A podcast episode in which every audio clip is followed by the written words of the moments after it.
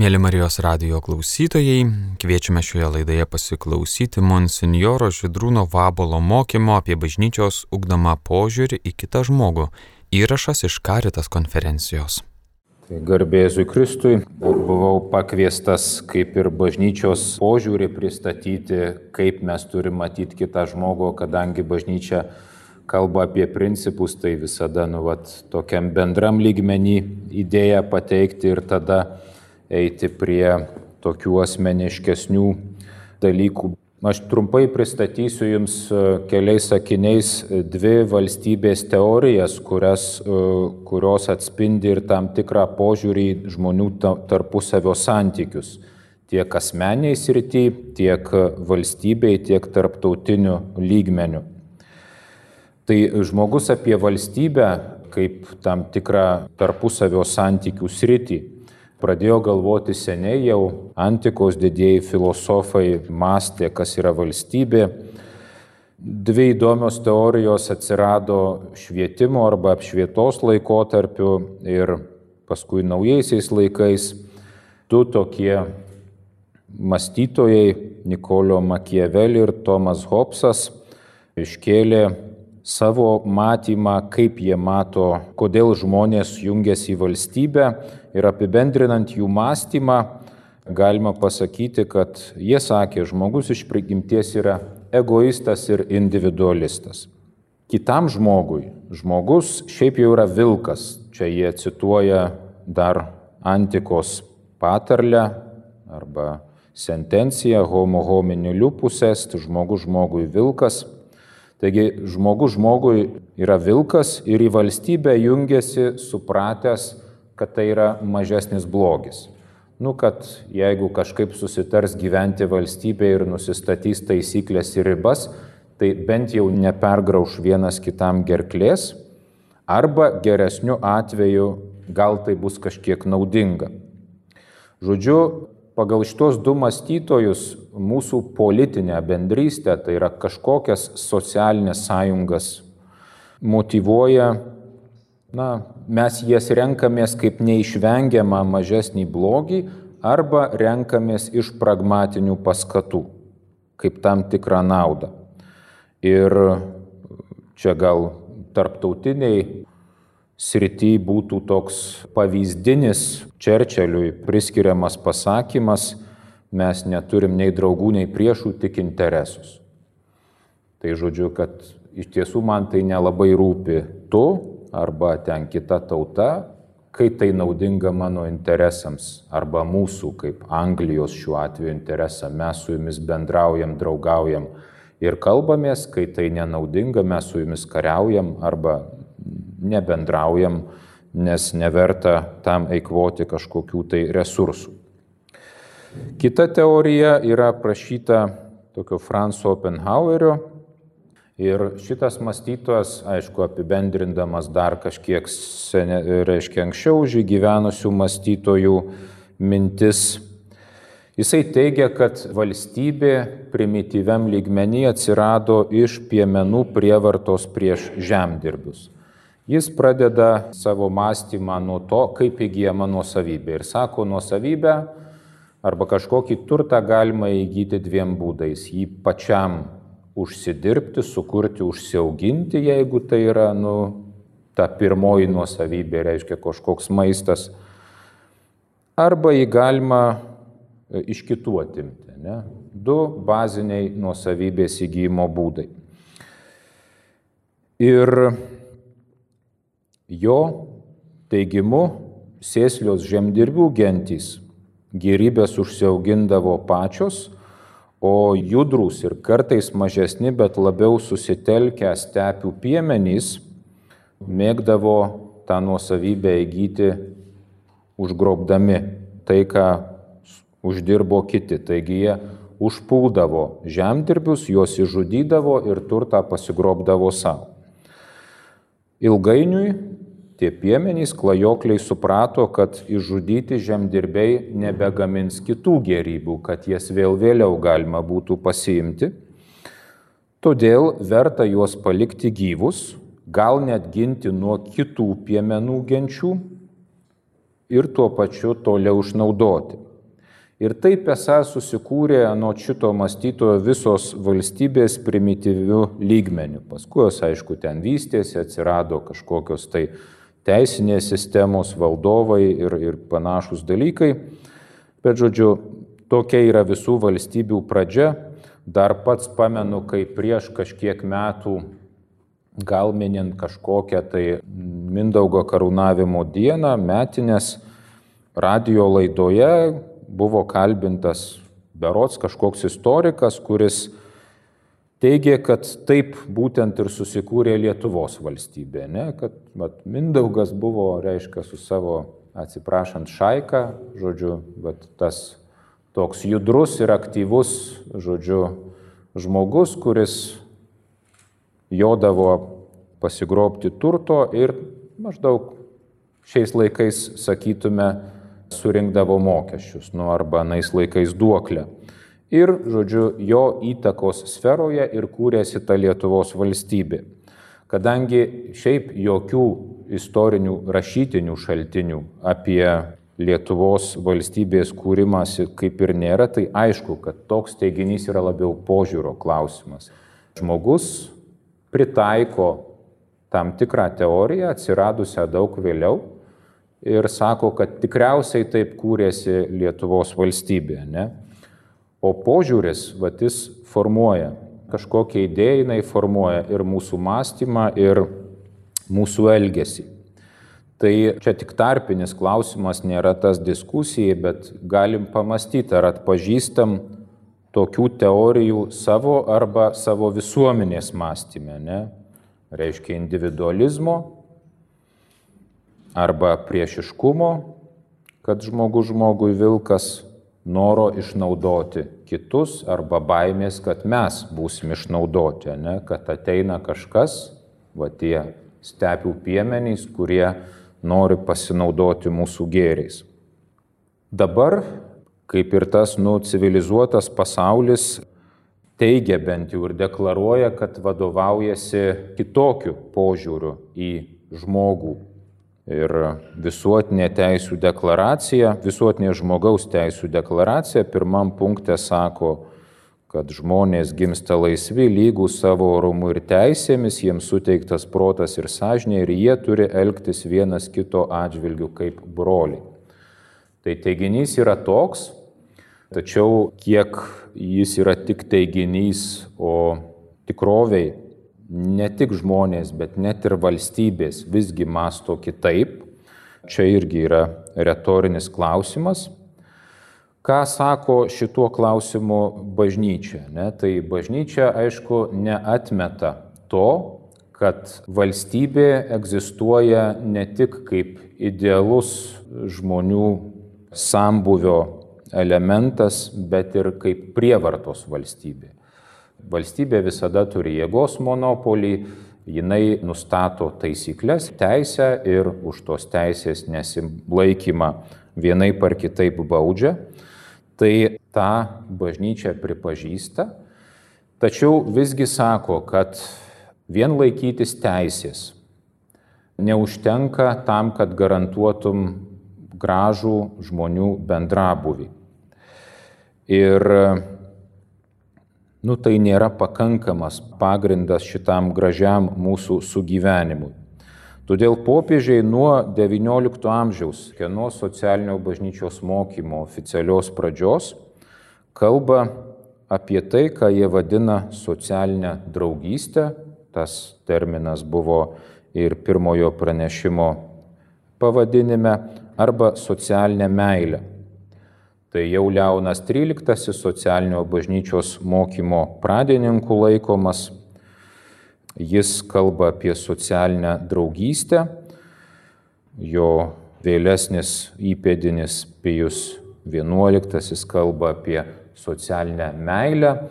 Paskui e, nuo Pauliaus VI popiežiaus šventojo atsiranda terminas meilės civilizacija, kurį ir šventasis Jonas Paulius II labai mėgdavo vartoti. paskutinis dabartinis popiežius ir paskutinė jo enciklika yra irgi šitos galvosenos dar vienas paskelbimas jau pačiu savo pavadinimu. Enciklika vadinasi Fratelli Tutti, kas reiškia visi broliai. Ar ne? Ir tos enciklikos paantraštė yra apie brolystę ir socialinę draugystę. Ir vien jau terminų skaičius pasako, nes čia tikrai nepristatysiu enciklikos, bet Vien jau terminų skaičius pasako, kaip tai akcentuojama, kad enciklikoje terminas socialinė draugystė pavartojamas 13 kartų, o brolybė 44 kartus. Ir čia nežinau, kiek jums įdomu, kiek ne, bet bažnyčia nuo seno vartoja ir žodį solidarumas, tai vad popiežius netgi solidarumas vartoja tik apie 20 kartų, o brolybė 44 kartus ir dėl to kai kurie mąstytojai, kurie ne tik skaito tekstą arba turinį, bet kaip čia apie tą komunikavimą buvo pasakyta įvairiais lygmenimis, žiūri, tai net sako, kad jis gal bando šiek tiek keisti vieną iš bažnyčios socialinio mokymo principų, tą solidarumą pradeda vadinti arba brolybę, arba net keisti jo esmę. Kodėl popiežius tiek daug kartoja šituos žodžius, tai kartoja gal ne todėl, kad neturi daugiau ką pasakyti, bet dėl to, kad tai labai svarbu. Ir nori tiesiog, kad skaitytojas ir klausytojas išgirstų, kad e, tikrai kitas žmogus man yra brolis kokios priežastys arba iš kur kyla šita brolybė bažnyčios požiūriu. Tai pirmiausia, bažnyčios mokymas nurodo kelis tokius bendrus aspektus, kad visi mes esam tos pačios prigimties. Tiesiog mus jungia ta pati prigimtis ir dėl to mes esame broliai. Mūsų jungia ir taip pat moralinės vertybės. Bažnyčia kalba apie tam tikrą moralinę vienybę, nes esminės visų žmonių vertybės tos pačios. Gali skirtis religija, gali skirtis kultūra, gali skirtis gyvenimo patirtis, bet bent jau esminės vertybės visada tos pačios. Krikščioniui yra dar du kiti punktai, kurie lygiai taip pat svarbus arba net svarbesni. Mes esam to paties Dievo kūriniai, tai yra vaikai. Ir kas dar kitą žmogų man daro vertingu tai, kad jis atpirktas Kristaus krauju, kaip ir aš. Nepaisant to, ar jis tuo tikė ar netikė. Bet Kristus numirė už visus, už visus išlėjo savo kraują ir kaip apaštilas Paulius vienam savo laiškė rašo, esate brangiai nupirkti. Ne? Už tą žmogų, kaip ir už mane išlietas Kristaus kraujas, tai, tai jis jau vien dėl to be galo vertingas. Kai aš minėjau, kad ir, na, va, ta visuotinė žmogaus teisų deklaracija mums primena, kad žmogus su kitu žmogumi turi elgtis kaip brolis. Tai yra graži idėja ir jinai labai gerai, kad pasakytai reikalinga, kaip praktiškai šitas pasaulis, nežinia ar sąmoningai ar nesąmoningai, bet vienijasi arba bando vienytis. Tai mes stebim reiškinį, kuris labai bendru žodžiu vadinamas globalizacija, ją kuria daug įvairių aspektų. Pirmiausia, labai greita informacija, taip pat transporto galimybės, taip pat nu, mūsų tarsi vienyje, sakykime, taip prekės ženklai, ar ne? Nes nu, tikrai Coca-Cola turbūt labai daug kas pasaulyje žino, arba kokį nors Nike, arba tai nebūtinai tai yra blogai, Bet e, dar viena mintis iš socialinio bažnyčios mokymo, kad to neužtenka, ar ne? Kad savaime va, tas komunikacinis glaistas, kad mes susišnekam tam tikram prekių lygmenį, ar ne? Tam tikrų pavadinimų lygmenį dar nepadaro mūsų broliais. Benediktas XVI, dabartinis popiežius emeritas, yra pasakęs, kad globalizacija mus padaro kaimynais, bet ne broliais.